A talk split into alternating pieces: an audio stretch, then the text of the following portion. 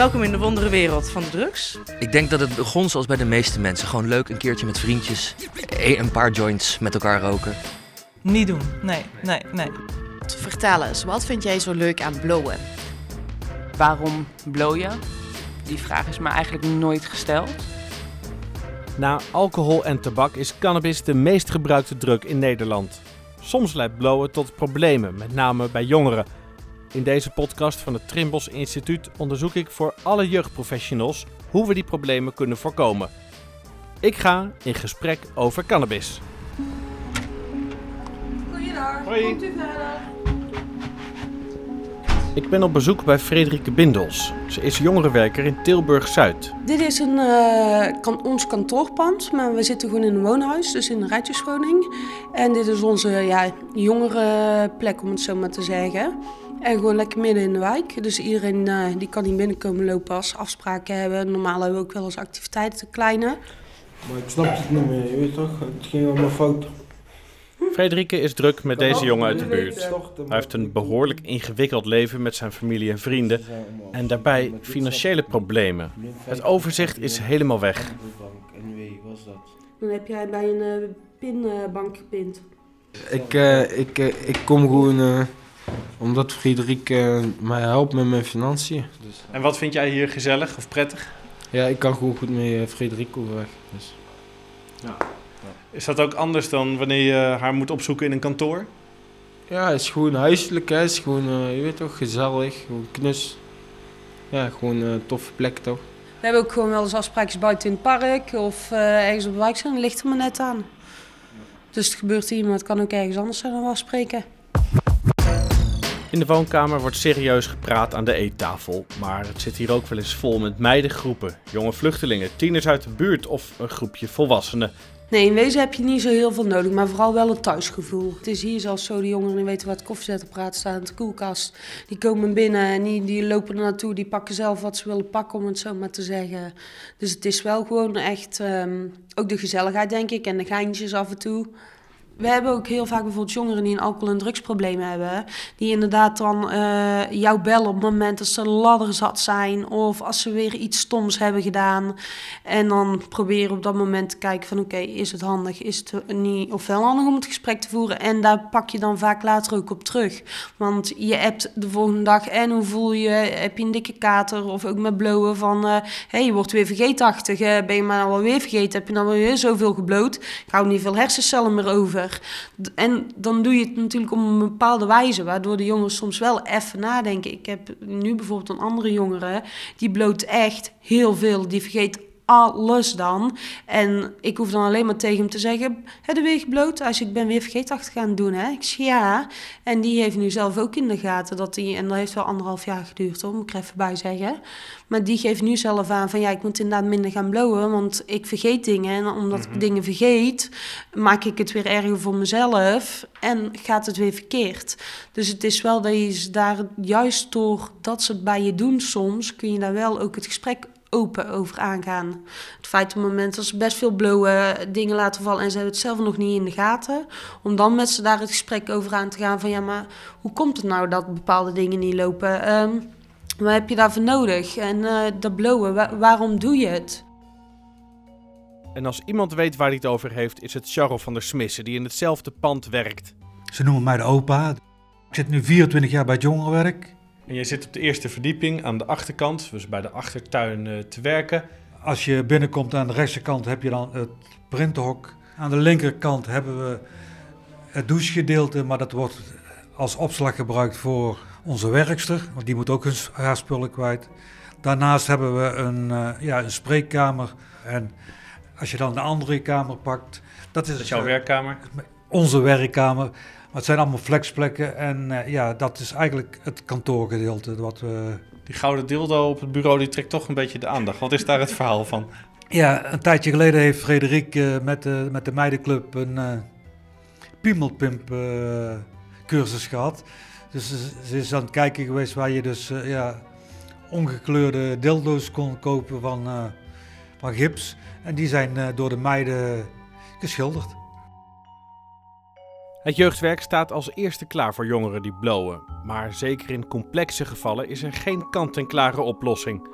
Janette de Jonge onderzoekt welke benadering het beste werkt. Als hoofddocent en senior onderzoeker bij de Hogeschool van Amsterdam en als psycholoog met jongeren die drugs gebruiken in combinatie met psychologische problemen. Jongeren hebben een soort van, van nature niet zoveel zin om dingen te gaan veranderen tegen hun zin in, zou ik haast zeggen. Zeker als ze door volwassenen worden bejegend. Hè, dat, dat, dat kent iedereen misschien nog wel. Je wilt jezelf ontdekken en autoriteitsfiguren zijn misschien mensen waar je eerder tegen afzet dan dat je daarna wil luisteren. Dus zeker binnen jeugdverslavingszorg hebben we echt met motivatieproblemen te maken. Maar ik weet niet of je dat als problemen moet zien of dat dat meer ja, een soort gegeven is. Dat jongeren vaak ambivalent zijn en dat ook veel duidelijker op tafel durven te leggen dan volwassen mensen. Dus ja, daar heb je ook motiverende gespreksvoering in die zin eh, bij nodig. Of die kun je heel goed inzetten. Motiverende gespreksvoering, daarover straks meer. Janette de Jonge ziet cannabisgebruik ook bij haar eigen studenten. En dat is natuurlijk handig in de les. Nou ja, ik, kijk, in mijn lessen heb ik natuurlijk ook, spreek ik wel over risicovol gedrag. Eh, en bij jonge mensen is toch ook blauwe wel risicovol. En maak je dat bespreekbaar in de lessen, ook als je dat vermoedt bij een van de studenten? Niet in de les. Wat ik wel gedaan heb, is eh, als ik les gaf, dat ik ze dan screenings af, eh, ging afnemen. Screenings zijn eigenlijk een soort korte vragenlijstjes waarmee je ehm, vraagt naar gedrag. En daar zit dan een soort norm achter en dan liet ik ze zichzelf normeren of een buurman of buurvrouw. En dan, nou ja, dat geeft altijd hilariteit. En altijd zijn die normen veel te laag. Want wat gebeurt er dan?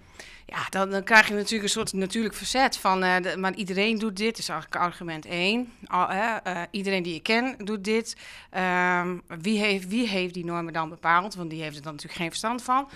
Eh, en wa- waarom zou dit een probleem zijn, zeg maar? Als ik af en toe blow. Ja, Ja. Krijg je dan een andere normering dan wanneer jij of ik dat zouden doen? nou kijk, die normering die ligt dan vast, zeg maar. Hè? Dus dan kunnen ze kijken van, zit ik wel of niet boven een soort cut-off score? En, en dan leg ik uit dat dat soort eh, normen zijn gebaseerd op heel veel gegevens en over de relatie die we kennen tussen middelen, gebruik en andere klachten. En dat dat niet een mening is, maar dat dat een, een- ja, uit de literatuur en uit onderzoek wetenschap. komt, dat het wetenschap is. En dat je daar van alles van kan vinden. Maar ja, dat is wat. Het is een soort eh, een neutraal, vrije norm leggen we daar dan neer. En dan is het leuk om met zo'n groep in gesprek te gaan daarover. Omdat jongeren er toch anders tegenaan kijken dan volwassenen. Ja.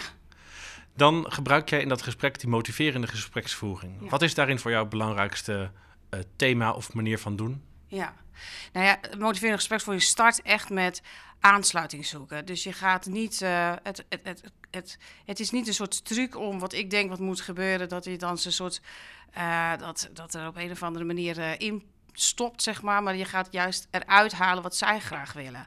En, dan, en, dat, en dat gaat veel verder dan op zich het gedrag. Dat gaat vaak over, ik wil mijn studie afmaken, ik wil een leuke vrienden, vriendin zijn, ik wil geld verdienen.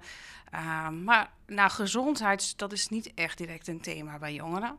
Ehm, dat, want dat is toch vaak iets wat meer op de langere termijn ligt, zeg maar. Maar, maar ja, wel dingen als eh, succesvol willen zijn, maar ook wel betrouwbaar.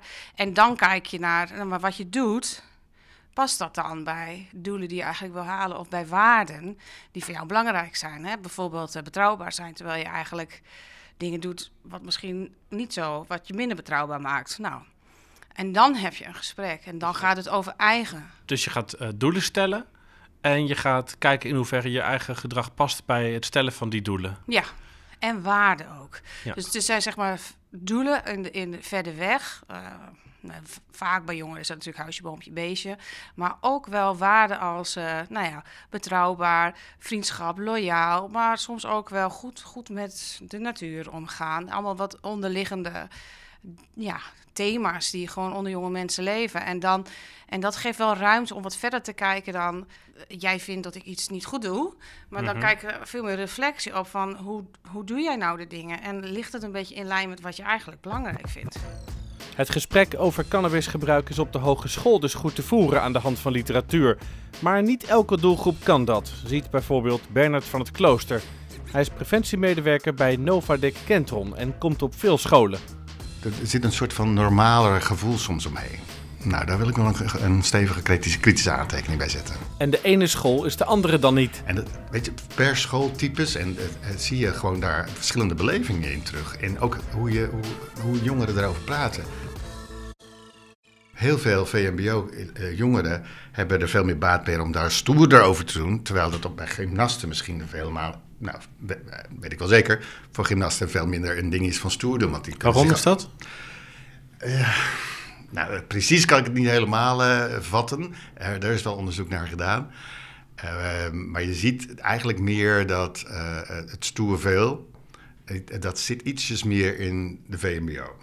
Stoer doen een over- beetje voorzichtig daarmee zijn als ik dat soort dingen zeg. Hoor. het is natuurlijk een beetje generaliseren. Maar stoer, stoer doen over drugs, dat zie je meer bij lager opgeleide daar kinderen. Zit, daar zit een soort andere glans omheen en daar zit meer waarde, kan daarin zitten voor. En dat wat je meer ziet op het VMBO. Die, die hebben toch het idee van, ja, weet je, eh, eh, dit is voor mijn, voor mijn peers veel belangrijker. Kan mij het schelen wat een docent zegt. Dat, dat soort verschillen zie je in het onderwijs wel eens sterk terug. Bernard probeert aan te geven waar je op moet letten om een inschatting te kunnen maken van de risico's voor een leerling. Het gesprek over cannabis kan lastig zijn, hoorden we net. En daarom moeten scholen hun leerlingen echt goed leren kennen. Wie, is zo'n jongere? Of wie is zo'n mens? Want een jongere is ook wat, eh, misschien wat straks. Wie is het? Hoe leeft hij? Eh, hoe, hoe, hoe gaat u om met ingewikkelde dingen in het leven? Is het gelukkig of een stabiel leven? Hoe, eh, is- heb je een gezin waarin het gewoon allemaal nou, een beetje, beetje eh, duidelijk en helder is, waar genoeg genegenheid is, waar genoeg erkenning voor jou is? Weet je, dat soort dingen zijn heel belangrijke factoren als het gaat over of een experiment niet gaan, kan gaan leiden tot ingewikkeld. Ja, het gaat eigenlijk over risico's die je loopt. Ja, en ik denk dat je daar, kijk, als je, je het uitgangspunt van een experiment kan niet zoveel kwaad. Ja, dat vind ik net iets te makkelijk daarin dan ook. Ik denk echt dat het van belang is dat je goed kijkt van wie is dat? Wie is dat kind? En kijk, een experiment voor een leeftijd is ook een belangrijke factor erin of het risicovol gaat worden. En 13-jarige die experiment met blowen, daar vind ik wel wat van. Daar denk ik toch, daar schat ik de risico's toch aanzienlijk hoger in dan een 18-jarige. Bij jongeren gaat het proces van experimenteel gebruik naar verslaving gaat veel sneller dan bij volwassenen. Uh, zij, dus het, het, gaat, het loopt sneller uit de hand. Zij hebben ook gewoon, omdat hun brein ook gewoon nog minder goed ontwikkeld is, gewoon veel minder zelfcontrolevaardigheden. En we zien ook wel juist bij de groep waar ook nog wel andere dingen spelen. Dus die of iets van ontwikkelingsproblematiek hebben of uh, ja, in hun leven tegen dingen aanlopen. Dat zij extra kwetsbaar zijn om uh, zich te verliezen. En dan is er natuurlijk wel sprake van verslaving. Als het op, op meer leefgebieden gedoe geeft. Hè? Als je daardoor problemen met je ouders hebt, je op school achterloopt, geld kwijtraakt, maar ook stoont op de fiets zit, van je fiets valt, of heel angstig wordt omdat je heel veel gebloot hebt, dan beïnvloedt dat zo je hele functioneren. En als blowen wordt gezien als probleem, dan is het de vraag wat de beste strategie is. Ook de professionals zijn het daar niet over eens. Aan de andere kant ook, zeg maar. Dat jeugdzorg ontzettend zijn best gedaan heeft om met de jongeren dat gesprek over dat gebruik aan te gaan. En dat ze uh, ruimte hebben gecreëerd dat zo'n jongen zegt, nou misschien moet ik er dan toch zelf wel wat mee.